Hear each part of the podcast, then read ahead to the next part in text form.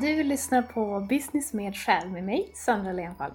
En podd för dig som vill omsätta din visdom, erfarenhet och unika gåvor till din egen framgångsrika business. Så att du kan fortsätta exponera dig själv, ditt liv och andra runt dig med kärlek, kraft och autenticitet. Med själ helt enkelt. Som passionerad guide och konsult för själsledd business och personligt varumärke blandar jag det spirituella och det materiella human design, en del gene keys och väver samman det med strategier för digital affärsmodell, copywriting och paketering. Egentligen allt som bidrar till en fantastisk mix för att låta det unika med dig och precis det som leder vägen till att leva din dröm och mer av det du älskar. Med jämna mellanrum bjuder jag även in andra själsledda entreprenörer, kreatörer och inspiratörer som delar sin resa, sin magi och kunskap så att du kan plocka alla pärlor och skapa din egen väg. Jag är glad att ha dig här.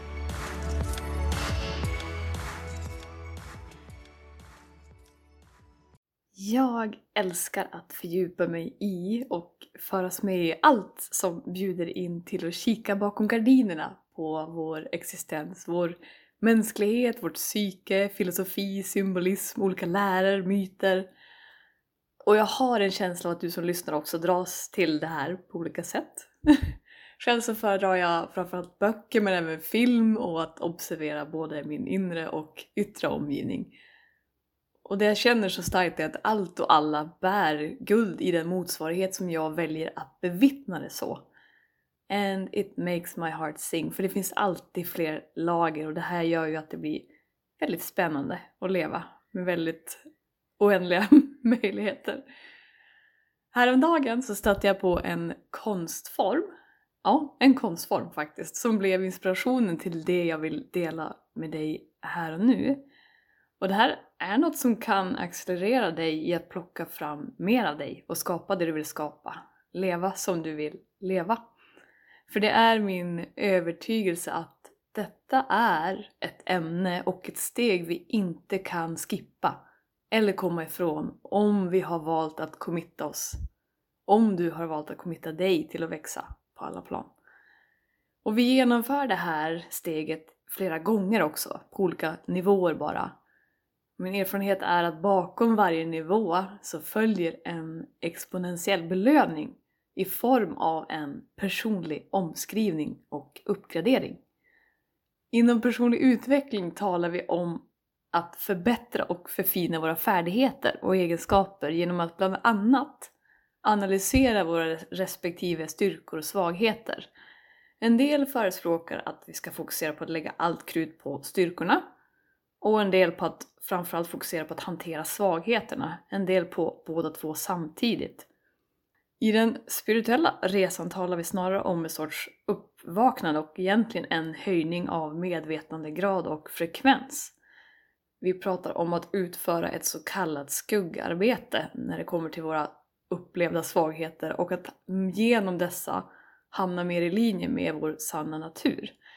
Vilket perspektiv vi än väljer runt att lära oss känna oss själva bättre och att utvecklas så finns det en gemensam nämnare som syftar till att synliggöra att arbeta och vara med det som vi upplever, det som du upplever hålla dig borta från att nå vår fulla potential. Jag kommer att prata ur formen av skuggarbete då jag upplever att det är mer inkluderande av hela dig vad och hur du än önskar skapa dig själv och ditt liv. Det börjar också bli väldigt populariserat. Skuggarbete som begrepp har egentligen sitt ursprung i jungiansk psykologi, från analytisk psykologi, från konceptet av att vi har ett så kallat skugg-jag. Enligt Jung så har vi alla en persona, en, det är egentligen personligheten som vi visar utåt publikt. Och ett skugg-jag är det som förblir undangömt, omedvetet eller privat. Det finns olika definitioner av skuggarbete, men i grund och botten skulle jag säga att det handlar om processen att göra ditt omedvetna medvetet. Att identifiera och läka skuggor hos oss själva och mönster genom att integrera dem som en del av oss, som en del av vår helhet. Det är att vi packar upp de egenskaper, beteenden och känslor som vi har för att skriva om deras påverkan och effekt. Att använda uttrycket skugga kan föra tankarna till något negativt men jag skulle säga att det är allt annat än, även om det kan vara en väldigt obekväm upptäcktsfärd bitvis. Men dina skuggor, dina så kallade skuggor och mönster, de har ett syfte och de är en naturlig del av dig.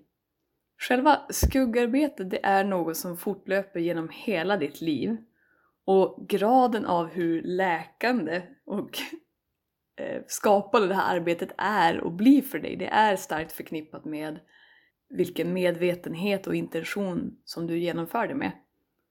Med andra ord så kan du utföra skuggarbete utan att veta om det och på ett sätt som inte leder till de inre och yttre revolutioner som du önskar. Om du inte kopplar på en fas som tar dig ur att vara ett offer för dina skuggor. Låt oss säga att du har ett mönster av att självsabotera så fort du är väldigt nära att nå det du vill nå. Oavsett om det handlar om en fördjupning av en relation, att flytta ihop, det kanske är att du eh, söker efter den här tjänsten du vill ha, du är väldigt nära den, dina hälsomål. En första del i ett skuggarbete här, det skulle vara att du noterar att du har det här mönstret så fort du kommer nära det du vill. Det andra steget är att undersöka mönstret, att djupdyka i det och här finns det ett flertal metoder varav det viktigaste är att våga ta i alla delar, tankar och känslor som kommer med utforskande av det specifika mönstret.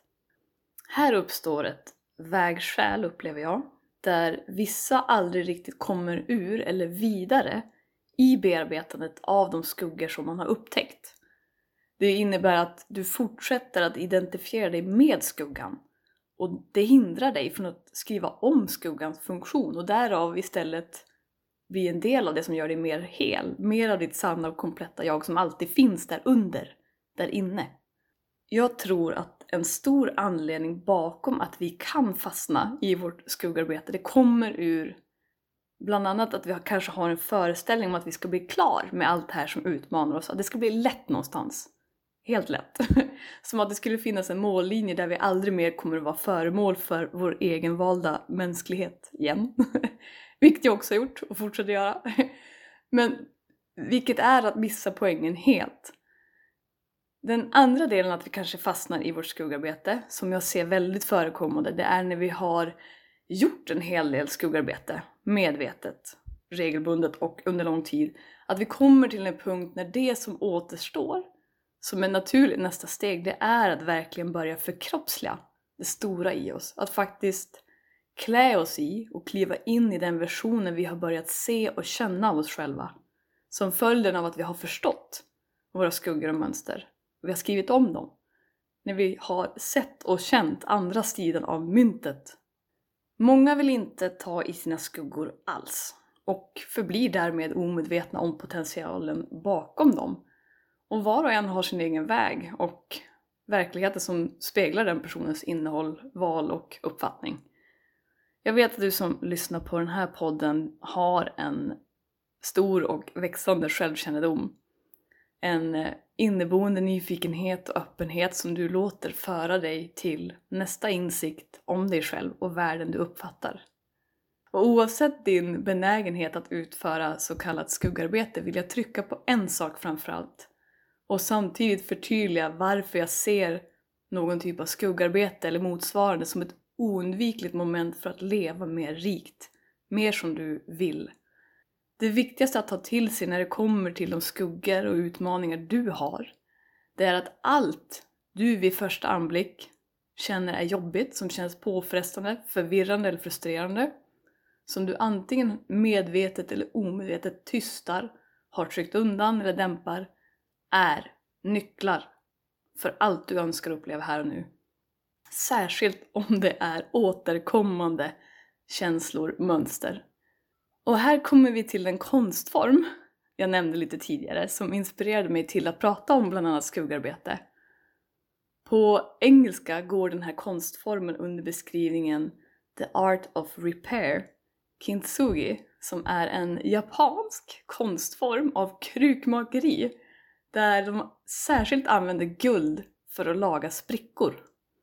De här sprickorna ses som enormt värdefulla och de är inte till för att gömmas. Det är snarare att de gör en poäng av att de framhävs. Och om du inte redan har sett de här otroligt vackra skapelserna som jag pratar om, då föreslår jag att du så snart du kan googlar upp det och tittar. Kintsugi, The Art of Repair. Till skillnad från det paradigm vi ofta växer upp i så finns det här inget försök att dölja skadorna, att dölja våra så kallade skavanker som vi uppfattar, utan tvärtom.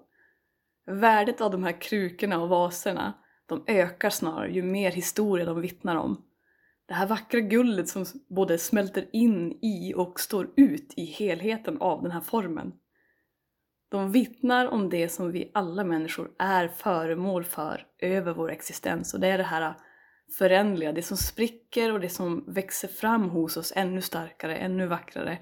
Hur vi är både sköra och odödliga i förhållande till hur vi väljer att se på våra erfarenheter och potential och vår historia. Denna uråldriga konstform, det är en väldigt tydlig visuell påminnelse om det jag vill uppmuntra idag och det är din egen omsorg och kärleksfulla känslighet för det du uppfattar som spricker i dig själv. Att den här påminnelsen kan förhoppningsvis agera som en öppning av och för din möjlighet att skriva om vad de här sprickorna egentligen representerar. Ibland upplever vi att sprickorna eller skadorna som vi har, de är för stora för att lagas. Och det kanske är en inbjudan till att skriva om eller låta de skärvorna falla bort och göra plats för en kanske en helt ny vas. Men att vi inte antar att sprickorna är mindre kompletta än våra styrkor, än dina styrkor. Det blir styrkor i ljuset av hur du ser dem.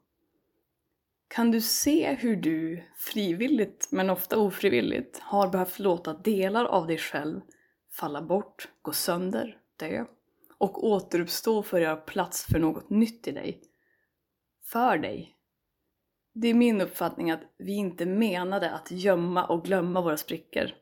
Men jag tror inte heller att det servar oss att bli kvar, eller vara kvar i de första fynden vi gör våra sprickor. Det vi uppehåller oss i, det växer, som vi brukar påpeka i den här podden. Och även om det enda konstanta är förändring så kan du fortsätta återskapa oändliga versioner av samma. Och det jag menar är att du kommer aldrig att vara detsamma igen, inte ens i nästa ögonblick. Men du kan ändå fortsätta uppleva dig själv som fast i samma yttre omständigheter om du håller kvar ditt fokus där på samma sätt. Så, ta i det som gör ont, förstärk det om det så behövs. Men låt inte smärtan övergå i ett lidande som du inte vågar släppa taget om eller skriva om. Kolla gärna upp den här konstformen och känn in vad som händer med dig när du överlåter uppmärksamheten till relationen du har med dina egna sprickor eller skuggor eller mönster. Är det möjligt att du har förvisat delar av dig själv till skuggan som väntar på att få återupprättas och att stråla kapp med solen? För min erfarenhet så här långt pekar på att vi alla har delar av oss själva som inte bara väntar på att vi ska bli vänner med dem men som kan bli våra främsta allierade och vara de största pusselbitarna till att verkligen börja leva som du önskar som du älskar och älskar från. Tack för att du lyssnar. Vare sig det är första gången du och jag möts här eller om du har hängt med lite mer frekvent i den här kanalen dessa numera fyra månader faktiskt av denna podd. Tacksam är jag och av den här processen och stunderna som den skapar. Skriv gärna till mig om vad som händer i dig när du lyssnar eller efter du gör det bäst via Instagram eller via min hemsida. Allt det här hittar du i avsnittsbeskrivningen. Som vanligt, följ, dela och prenumerera på podden så att vi blir fler i det här fina spacet. Tills nästa gång. Det du söker, söker dig. Och det är aldrig utanför dig.